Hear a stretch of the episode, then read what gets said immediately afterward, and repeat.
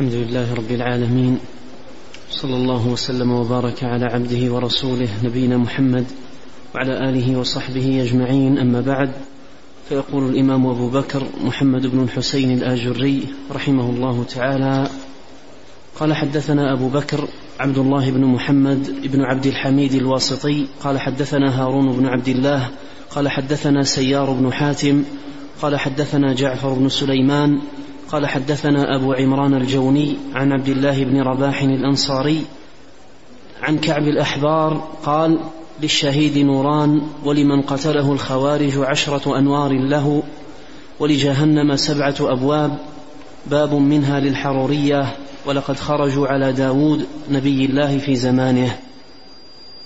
قال محمد بن الحسين رحمه الله هذه صفة الحرورية وهم الشراة الخوارج.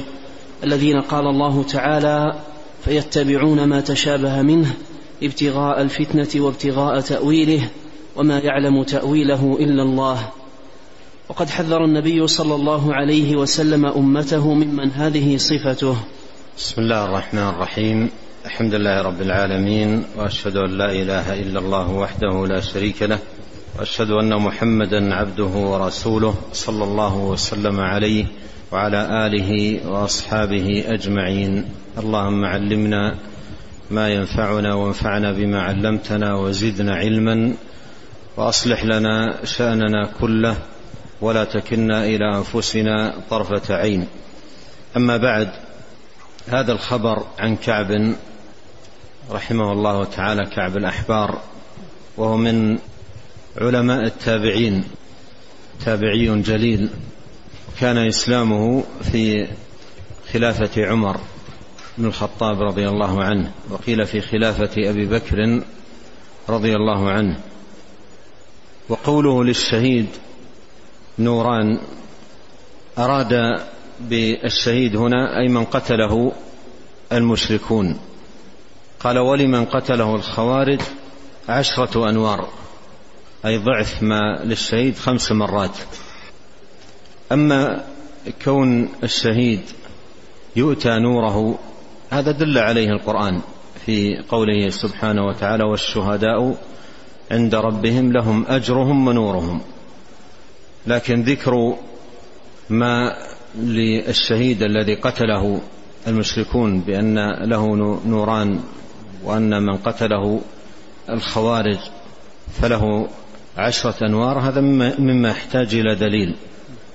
مما يحتاج إلى دليل وكل يحتج لقوله لا به إلا الله ورسوله.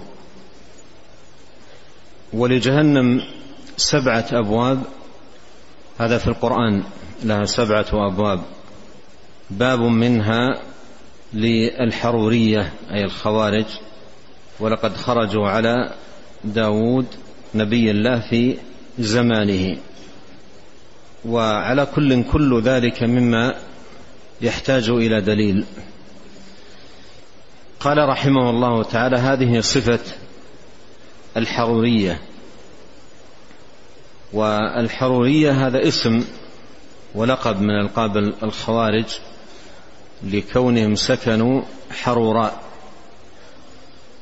وهم الشراة الخوارج الذين قال الله سبحانه فيتبعون ما تشابه منه ابتغاء الفتنة وابتغاء تأويله وما يعلم تأويله إلا الله. وهذا وصف لمن قام في قلبه الزيغ. من كان في قلبه زيغ هذا شأنه مع كتاب الله. يتتبع المتشابه من آية القرآن ولا يعول على المحكم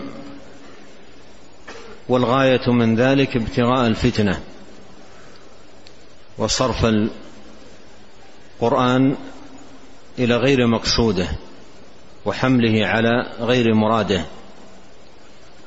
وهذا سبيل أهل الزيغ وممن سلك هذا المسلك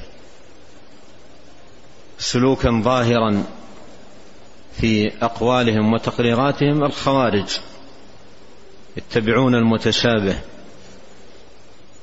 ويحملون آيات القرآن على غير مقصودها. وسيأتي أمثلة على ذلك. قال وقد حذر النبي صلى الله عليه وسلم ممن هذه صفته.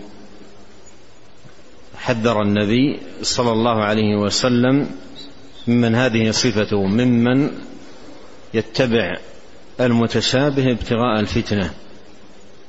حذر من هؤلاء. وذكر عليه الصلاة والسلام علامة لهم. ثم ساق رحمه الله تعالى ما يشهد لذلك. نعم. قال رحمه الله تعالى حدثنا أبو أحمد هارون بن يوسف قال حدثنا ابن أبي عمر قال حدثنا عبد الوهاب الثقفي عن أيوب عن ابن أبي مليكة عن عائشة رضي الله عنها أن رسول الله صلى الله عليه وسلم قرأ هو الذي أنزل عليك الكتاب منه آيات محكمات هن أم الكتاب وأخر متشابهات.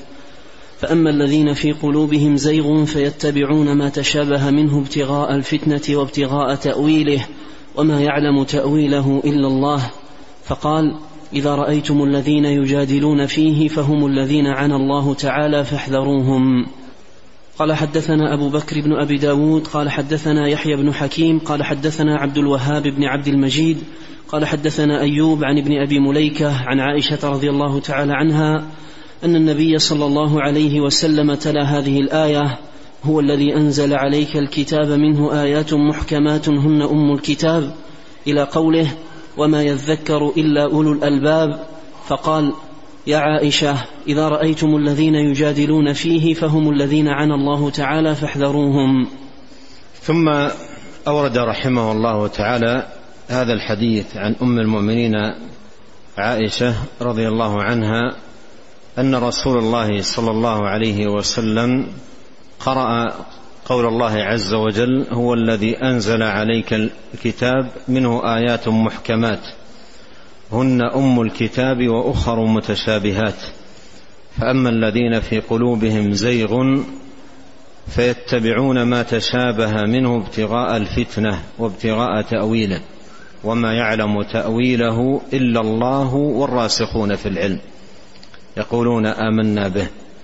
كل من عند ربنا وما يذكر إلا أولو الألباب. وهذه الآية أخبر الله سبحانه وتعالى فيها أن القرآن آياته على قسمين. آيات محكمات. وصف الله سبحانه وتعالى هذه الآيات المحكمات بأنها أم الكتاب ومعنى أمه أي أصله وإليها يرجع وعليها يعول وإذا حصل اشتباه في بعض الآيات رجع إلى هذه الآيات المحكمات وعول عليها. فإذا أعيد متشابه القرآن إلى محكمه زال الاشتباه.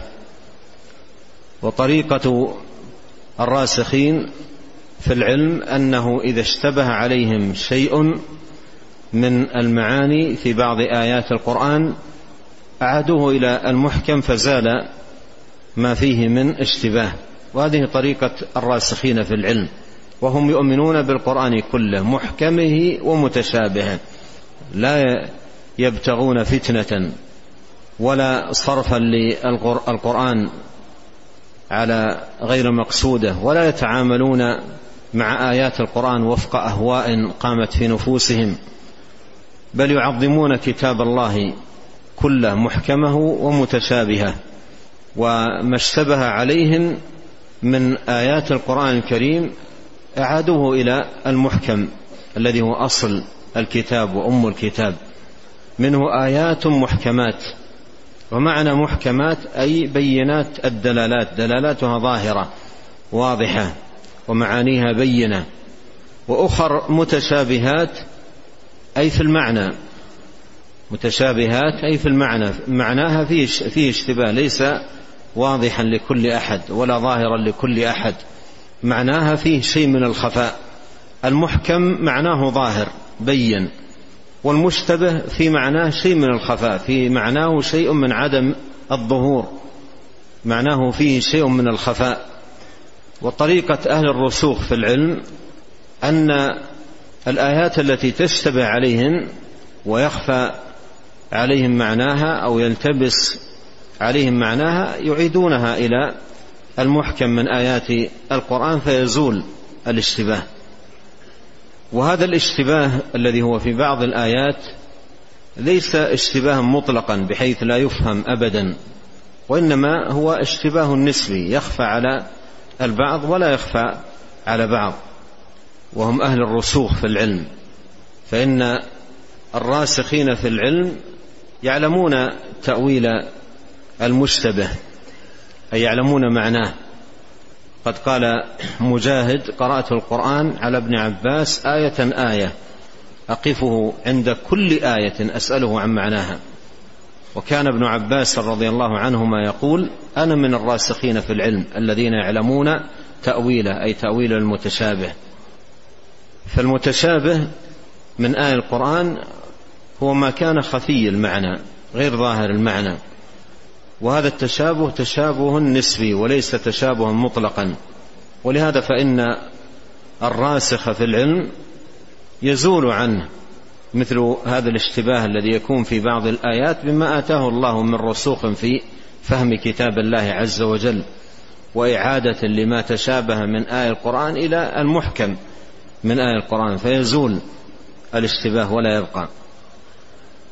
أما أهل الزيغ من قام في قلبه زيغ وضلالة وأهواء فإن طريقته مع المتشابه طريقة أخرى وهي أنهم يتبعون ما تشابه منه يتبعون ما تشابه من ابتغاء الفتنة لا يعيد المتشابه إلى المحكم وإنما يعمل على تقرير المعاني التي يهواها والفهوم التي يريدها من خلال هذه الآيات المتشابهة التي هي خفية المعنى ابتغاء الفتنة وابتغاء تأويله.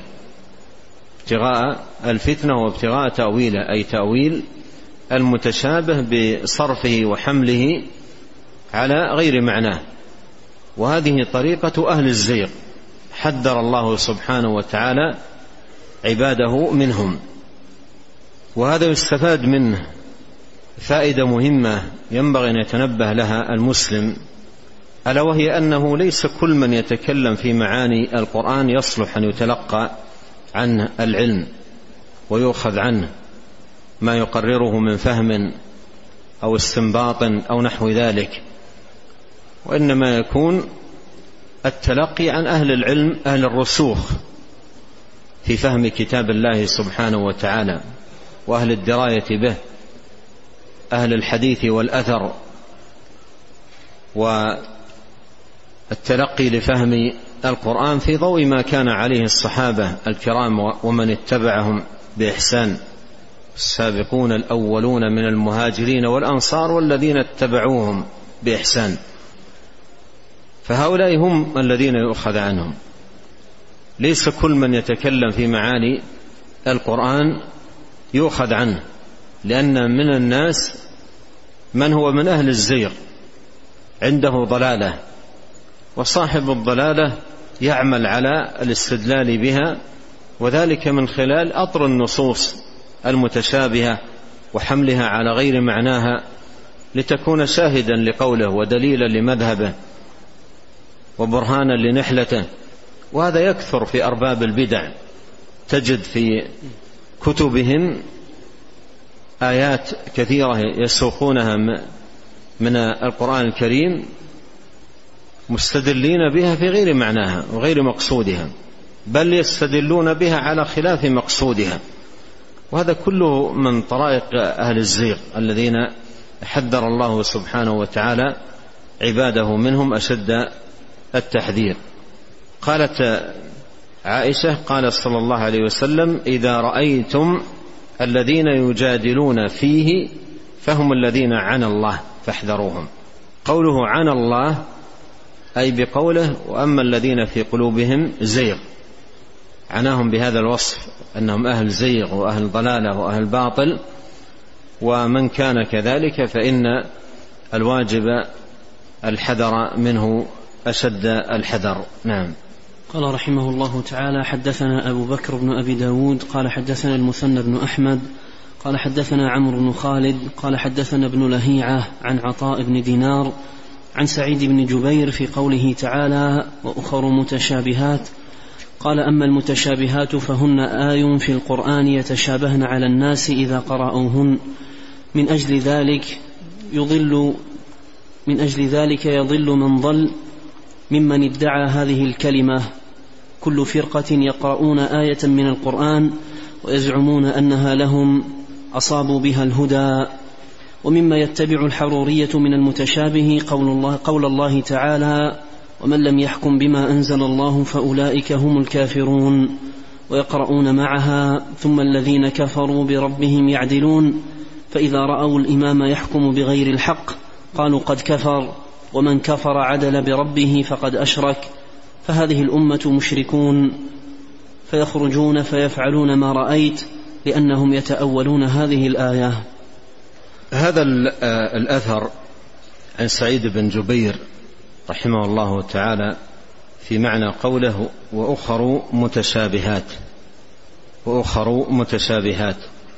قال رحمه الله أما المتشابهات فهن آي في القرآن يتشابهن. على الناس إذا قرأوهن آيات في القرآن. ليس كل القرآن متشابه. ليس كل القرآن متشابه. وإنما منه آيات محكمات هن وأخر متشابهات. ففيه آيات محكمات وفيه آيات متشابهات. والتشابه هنا تشابه خاص ليس في, في القرآن كله وإنما في آيات من القرآن ويختلف عن التشابه العام الذي ذكره الله سبحانه وتعالى في قوله الله نزل أحسن الحديث كتابا متشابها هذا وصف للقرآن كله هذا وصف للقرآن كله بأنه متشابه ومعنى متشابه أي يؤيد بعضه بعضا. ويشهد بعضه لبعض ولا يعارض بعضه بعضا. فالقرآن متشابه كله بهذا المعنى. وأما التشابه الخاص في قوله أخر متشابهات المراد به خفاء المعنى وعدم ظهور وعدم ظهوره. فالقرآن في آيات هذا شأنها يعني معناها ليس ظاهر. ليس ظاهر لكل أحد. فيها شيء من الخفاء في المعنى. قال أما المتشابهات فهن آي في القرآن. آي في القرآن يتشابهن على الناس إذا قرأوهن. يتشابهن على الناس إذا قرأوهن يعني يتشابه المعنى عليهم. من أجل ذلك يضل من ضل ممن ادعى هذه الكلمة. ممن ادعى هذه الكلمة يعني من أتى إلى آية من آيات القرآن المتشابهة ثم ادعى من خلالها حكما معينا أو قولا معينا أو تقريرا معينا. وفي الغالب أن أهل المذاهب الباطلة يعمدون إلى الآيات المتشابهة ويجهدون في حملها على المذاهب التي هم عليها. وطريقتهم في فهم القرآن أنه يأتي وهو محمل أصلا بالعقائد التي أشربها ونشأ عليها ثم يقرأ القرآن ويحاول ولا سيما من خلال الآيات المتشابهة أن أن ينتزع منها بحملها على غير مقصودها دلالة على مذهبه ونحلته وطريقته. وهذه طريقة أهل الزيغ. يأتي بتصورات وأفكار وعقائد هو يعتقدها أصلا ثم يقرأ القرآن ويحاول أن يحمل آيات القرآن على هذا المذهب الذي هو عليه. وهذا كثير في أرباب البدع والضلال كثير جدا تجده عند الروافض وعند المعتزلة وعند المتصوفة وغيرهم. شيء عجب في كتبهم التي يزعمون أنها تفسير للقرآن وهي في الغالب حمل للقرآن على تلك العقائد التي هم عليها الباطلة. قال كل فرقة يقرؤون آية من القرآن كل فرقة من فرق الضلال يقرؤون آية من القرآن ويزعمون أنها لهم. كيف يزعمون أنها لهم؟ أي شاهدا لعقيدتهم مقررة مذهبهم. يأتون الآيات المتشابهات في المعاني ويحملونها على مذاهبهم وعقائدهم ابتغاء الفتنة كما قال الله سبحانه وتعالى. ويزعمون أنها لهم أصابوا بها الهدى أصابوا بها الهدى. ثم ذكر مثالا لذلك مثالا لذلك من ما عليه الخوارج. قال ومما يتبع الحرورية من المتشابه قول الله تعالى ومن لم يحكم بما أنزل الله فأولئك هم الكافرون. من لم يحكم بما أنزل الله فأولئك هم الكافرون. ثم يقرأ مع هذه الآية ثم الذين كفروا بربهم يعدلون. يعدلون أي يسوون غير الله به. العدل هو التسوية. قالوا تالله إن كنا لفي ضلال مبين إذ نسويكم برب العالمين. فالذين ثم الذين كفروا بربهم يعدلون أي يسوون غير الله بالله. فيحملون معنى الكفر في قوله فأولئك هم الكافرون ومن لم يحكم ما أنزل الله فأولئك هم الكافرون يحملون معنى الكفر على هذا المعنى الذي في قوله ثم الذين كفروا بربهم يعدلون. ثم الذين كفروا بربهم يعدلون. ثم ينشأ من ذلك ما ذكره عنهم رحمه الله بقوله فإذا رأوا الإمام يحكم بغير الحق اذا راوا الإمام يحكم بغير الحق قالوا قد كفر أي الكفر الأكبر الناقل من الملة كفر المشركين الذي يستحقون عليه الخلود في النار أبد الآباد. تالله إن كنا لفي ضلال مبين إذ نسويكم برب العالمين. فيحكمون عليه بالكفر الأكبر الناقل من الله وينزلون عليه قول الله تعالى ثم الذين كفروا بربهم يعدلون ويقولون هذا هو المراد بقوله فأولئك هم الكافرون. ومن لم يحكم ما أنزل الله فأولئك هم الكافرون. قالوا ومن كفر عدل بربه. ثم ماذا يقولون بعد ذلك؟ ينزلون على هذا الحكم على الحاكم وعلى الرعية كلها. وعلى الرعية كلها. قال فهذه الأمة مشركون. فهذه الأمة مشركون. ولهذا تجد من يسلك مسالك الخوارج من يشهد على المسلمين من يشهد على المسلمين في مساجدهم ومع الأذان والصلاة والعبادة والطاعة والخير العظيم الذي هم فيه يشهد عليهم كلهم بالجاهلية والكفر والشرك وكله ينطلق من حمل بعض الآيات على غير محملها وتنزيلها على غير مرادها بسبب ما قام في القلب من زيغ وضلال والعياذ بالله وعقيدة باطلة. لأن مشكلة العقيدة إذا فسدت يفسد معها التصور ويفسد معها الفهم ويصبح في في في نظره لآيات القرآن ينظر إليها من خلال معتقده لا ينظر إليها نظر من يطلب الحق والهدى من كتاب الله سبحانه وتعالى. قال فيخرجون فيفعلون ما رأيت. هذه أمور ينبني بعضها على بعض. يخرجون فيفعلون ما رأيت. يعني تبدأ الأمور بهذه الطريقة. يعني يكفرون الحاكم ثم يكفرون الرعية تبعا للحاكم ثم إذا كفروا الحاكم والرعية سلوا السيف وخرجوا على الناس وبدأوا يقتلون الصغير والكبير والذكر والأنثى ولا يفرقون بين أحد ويحكمون عليهم بأنهم كلهم كفار. وأنهم على غير الإسلام وينزلون عليهم كل هذه المعاني. فيخرجون فيفعلون ما رأيت لأنهم يتأولون هذه الآية.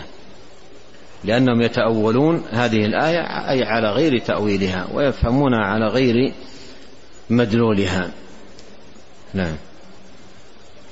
قال رحمه الله تعالى حدثنا أبو بكر بن عبد الحميد قال قال حدثنا ابن المقرئ قال حدثنا سفيان عن معمر عن ابن طاووس عن أبيه قال ذكر لابن عباس رضي الله عنهما الخوارج وما يصيبهم عند قراءة القرآن قال يؤمنون بمحكمه ويضلون عند متشابهه وقرأ وما يعلم تأويله إلا الله والراسخون في العلم يقولون آمنا به.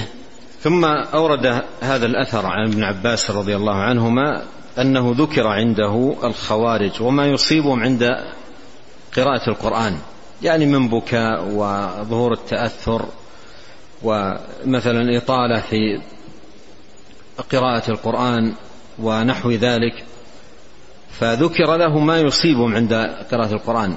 يعني كأنه أتاه أحد وقال رأيناهم يبكون وهم يقرؤون القرآن ويتأثرون عند قراءة القرآن.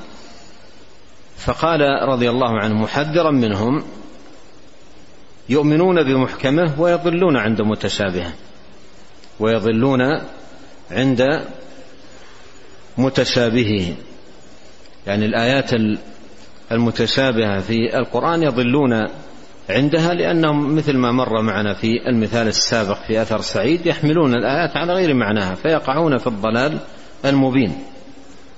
ويضلون عند متشابهه وقرأ وما يعلم تأويله إلا الله والراسخون في العلم يقولون آمنا به كل من عند ربنا. نعم. قال حدثنا ابن عبد الحميد أيضا قال حدثنا ابن المقرئ قال حدثنا سفيان عن عبيد الله بن أبي يزيد قال سمعت ابن عباس رضي الله عنهما وذكر له الخوارج واجتهادهم وصلاتهم قال ليس هم بأشد ليس هم بأشد اجتهادا من اليهود والنصارى وهم على ضلالة. وأيضا في هذا الأثر ذكر لابن عباس رضي الله عنهما اجتهاد الخوارج في الصلاة. ذكر له الخوارج واجتهادهم وصلاتهم يعني كثرة العبادة كثرة القرآن كثرة الأذكار. فقال ليسوا هم بأشد اجتهادا من اليهود والنصارى وهم على ضلالة. يقصد رضي الله عنه أن لا ينبغي للمرء أن يغتر بعبادة شخص ما لم يكن على سنة وعلى هدى. لا يغتر به. حتى وإن كثرت عبادته وكثرت صيامه وكثر كثرت صلاته لا يغتر بذلك. بل مما ذكر في بعض التراجم لبعض أئمة الضلال وهذا ذكر في ما يتعلق بالمعتزلة كان بعض أشياخهم عندما يلقن يعني أحد التلاميذ العقيدة عقيدة الاعتزال بعد أن ينتهي ويشرب الطالب العقيدة تماما يقول للشيخ إلزم سارية المسجد سنة ثم انشر العقيدة. إلزم سارية المسجد سنة. لأن مثل هذه الأمور يعرفون أن أنها مداخل قوية جدا على العوام. إذا رأوا الشخص في صلاة وعبادة وقراءة قرآن وذكر يغترون بذلك. الأصل أن لا يغتر الإنسان بمن مثلا ظهر عليه التعبد والذكر وتلاوة القرآن وما إلى ذلك ما لم يكن على سنة وعلى حق وعلى هدى ما لم يكن متبعا للهدي. أما إذا كان صاحب بدعة لا يغتر بعبادته وصلاته واجتهاده في مثلا الذكر وقراءة القرآن وغير ذلك. قال ذكر له اجتهاد الخوارج وصلاتهم قال ليس ليس هم بأشد اجتهادا من اليهود والنصارى وهم على ضلالة. نعم. قال رحمه الله تعالى وأخبرنا عبد الله بن صالح البخاري قال حدثنا مخلد بن الحسن بن أبي زميل قال حدثنا أبو المليح الرقي عن سليمان بن أبي نشيط عن الحسن وذكر الخوارج فقال حيارى سكارى ليس بيهود ولا نصارى ولا مجوس فيعذرون. وهذا الأثر عن الحسن وذكر عنده الخوارج فقال حيارى سكارى ليسوا بيهود ولا نصارى ولا مجوس فيعذرون. حيارى سكارى أي يتخبطون في أهوائهم ويهيمون في ضلالاتهم وعقائدهم الباطلة. وما يترتب عليها من ظلمة في القلوب ومباينة للحق ومباعدة عنه حيارى سكارى. وهذا الأثر عن الحسن رواه الفريابي في صفة النفاق ونقل عن الحسن أنه قال الناس ثلاثة مؤمن وكافر ومنافق. ثم ذكر صفة المؤمن ثم ذكر صفة الكافر ثم ذكر صفة المنافق هذه. قال حيارى سكارى ليسوا بيهود ولا نصارى ولا مجوس فيعذرون. يعني ليسوا أهل النفاق ليسوا يهود ولا نصارى لأنهم يظهرون الإسلام يظهرون الإسلام ويظهرون أنهم من أهل الإسلام. ولكن الباطن على خلاف ذلك. باطنهم على خلاف ذلك. فهذا الأثر هنا ذكر يعني وصفا للخوارج وذكر في بعض المصادر وصفا لأهل النفاق وكلا النقلين عن آه، الحسن. نعم. قال رحمه الله تعالى وحدثنا أبو عبد الله أحمد بن محمد بن شاهين قال حدثنا الصلت بن مسعود قال حدثنا جعفر بن سليمان قال حدثنا المعلى بن, زي بن زياد قال قيل للحسن يا أبا سعيد خرج خارجي بالخريبة فقال المسكين رأى منكرا فأنكره فوقع فيما هو أنكر منه. ثم أورد هذا الأثر أن الحسن البصري رحمه الله قيل له يا أبا سعيد خرج خارجي بالخريبة. الخريبة موقع بالبصرة. فقال المسكين المسكين رأى منكرا فأنكره فما فوقع فيما هو أنكر منه. رأى منكرا فأنكره فوقع فيما هو أنكر منه.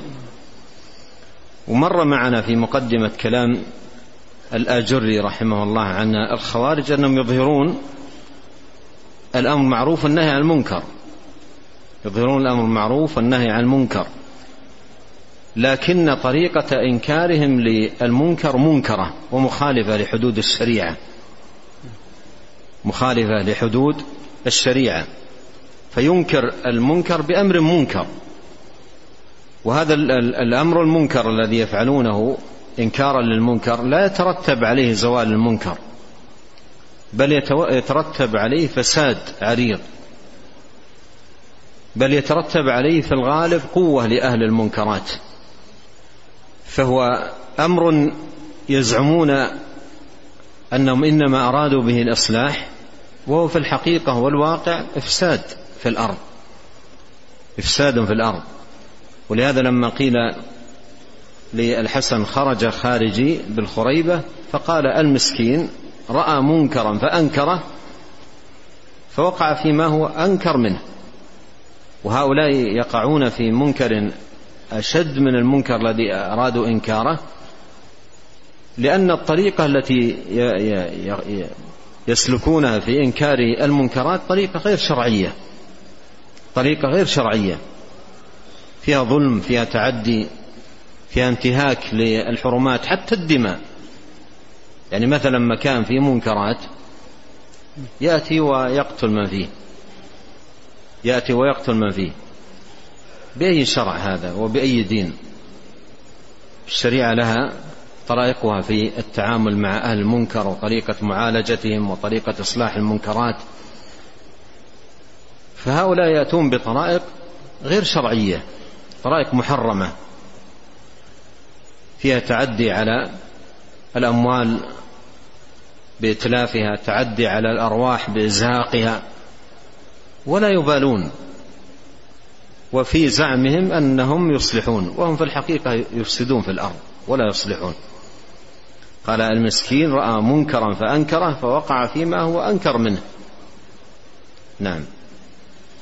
قال محمد بن الحسين رحمه الله تعالى فلا ينبغي لمن رأى اجتهاد خارجي قد خرج على إمام. عدلا كان الإمام أو جائرا فخرج وجمع جماعة وسل سيفه واستحل قتال المسلمين. فلا ينبغي له أن يغتر بقراءته للقرآن ولا بطول قيامه في الصلاة ولا بدوام صومه ولا بحسن ألفاظه في العلم إذا كان مذهبه مذهب الخوارج. هذا كلام عظيم وخلاصة مفيدة جدا مستفادة من جميع ما سبق مما ساقه رحمه الله تعالى من أحاديث و وآثار عن السلف ذكر الآجري رحمه الله هذه الخلاصة قال لا ينبغي لمن رأى اجتهاد خارجي خرج على إمام عدلا كان الإمام أو جائرا فخرج وجمع جماعة وسل سيفه واستحل قتال المسلمين فلا ينبغي له أن يغتر بقراءته للقرآن. لأنك تجد بعض الناس في مثل هذه الأمور ومثل هذه الأحداث يقول والله يا أخي نعرف فلان من العباد حفاظ القرآن وكثير الاجتهاد في العبادة وكثير الصيام وكثير الصلاة هذا لا يغتر به. إذا كان مسلكة مسلك الخوارج. إذا كان مفتون والعياذ بالله. إذا كان قلبه أشرب هذا الهوى وهذا المسلك الباطل لا يغتر الإنسان. لا بصلاته ولا بقراءة القرآن ولا بذكره لله سبحانه وتعالى. ونبينا عليه الصلاة والسلام لما ذكر الخوارج قال للصحابة تحقرون صلاتكم مع صلاتهم وصيامكم مع صيامهم وقراءتكم مع قراءتهم يمرقون من الدين كما يمرق السهم من الرمية. أي لا يغتر باجتهاد هؤلاء في صلاة ولا في صيام ولا في ذكر ولا في إظهار للتعبد وما يغتر بذلك. إذا كان مسلك الواحد منهم مسلك الخوارج. إذا كان مسلك الواحد منهم مسلك الخوارج لا يغتر بعبادته. وكثير من الناس تورطوا في مذاهب الخوارج ومسالك الخوارج بسبب ما يرونه على الشخص من كثرة عبادة وكثرة صلاة وكثرة قراءة للقرآن فيغترون بذلك ويأخذون عنه هذا المذهب الباطل. فيقول رحمه الله لا ينبغي لمن رأى اجتهاد خارجي أي اجتهاد في العبادة قد خرج على إمام عدلا كان الإمام أو جائرا فخرج وجمع جماعة من الناس وسل سيفه واستحل قتال المسلمين فلا ينبغي له أن يغتر بقراءته للقرآن ولا بطول قيامه في الصلاة ولا بدوام صومه ولا بحسن ألفاظه في العلم إذا كان مذهبه مذهب الخوارج. وإذا أردنا أن نختصر المسألة فالذي يريد يصلح في الأمة ما يشق العصا ويخرج عن الجماعة ويسل السيف ويبدأ يقتل هذا وذاك. الذي يريد أن يصلح في الجماعة يبقى واحدا من الجماعة. يرحم يرحم المسلمين ويعطف عليهم ويتلطف بهم ويسعى جاهدا في إصلاحهم ودعوتهم إلى الاعتقاد إلى الإيمان إلى العبادة إلى الأخلاق. ويصلح الناس شيئا فشيئا. ويشيع الخير شيئا فشيئا. أما أن يخرج عن الجماعة ويسل السيف ويعادي الناس ويكفر المجتمعات حكام ومحكومين هذا ليس سبيل المصلحين. هذا ليس سبيل المصلحين. هذا رجل أشرب قلبه بمذهب الخوارج ومذهب من أفسد المذاهب وأشنعها وأضرها على المجتمعات. والخوارج قرن يطلع بين وقت وآخر لا خير فيه شر على المجتمعات. لكن من فضل الله أنه كل ما خرج يتأذى منه الناس وقت ثم يقطع ينتهي. كل ما خرج قرن قطع. لكن لا لا يعرف في الخوارج على مدى التاريخ إصلاح في المجتمعات. على على على أنهم أيضا يحملون رأية الإصلاح ويزعمون أنهم أهل الإصلاح لكن عبر التاريخ لا يعرف. لهم شيء من ذلك. بل يترتب على ظهورهم فساد وأضرار ثم يقطع قرنهم وينتهي الناس من شرهم. الحاصل أنه ما ينبغي الإنسان أن يغتر بمسالك الخوارج ومذاهب الخوارج حتى وإن كان يظهر على بعضهم عبادة وصلاة وذكر وقراءة قرآن لا يغتر بذلك. إذا كان مسلك الرجل مسلك الخوارج. وعلى الإنسان أن يحرص على أن يزم نفسه بزمام السنة وأن يدعو الله كثيرا أن يعيده من الضلال ومن طرائق أهل الضلال وأن يسر الله عز وجل الهداية وثبات القلب على الحق والهدى. ولا عاصم إلا الله. نسأل الله عز وجل أن يهدينا أجمعين إليه صراطا مستقيما وأن يعيذنا أجمعين من الفتن ما ظهر منها وما بطن وأن يصلح لنا شأننا كله. وأن يهدينا رعاة ورعية وحكاما ومحكومين للحق والهدى. اللهم آمنا في أوطاننا وأصلح أئمتنا وولاة أمورنا. واجعل ولايتنا في من خافك واتقاك واتبع رضاك يا رب العالمين. اللهم أعذنا والمسلمين من الفتن ما ظهر منها وما بطن. اللهم اغفر لنا ولوالدينا ولمشايخنا وولاة أمرنا وللمسلمين والمسلمات والمؤمنين والمؤمنات الأحياء منهم والأموات. اللهم اقسم لنا من خشيتك ما يحول بيننا وبين معاصيك ومن طاعتك ما تبلغنا به جنتك ومن اليقين ما تهون به علينا مصائب الدنيا. اللهم متعنا بأسماعنا وأبصارنا وقوتنا ما أحييتنا واجعله الوارث منا واجعل ثأرنا على من ظلمنا وانصرنا على من عادانا ولا تجعل مصيبتنا في ديننا ولا تجعل الدنيا أكبر همنا ولا مبلغ علمنا ولا تسلط علينا من لا يرحمنا. سبحانك اللهم وبحمدك.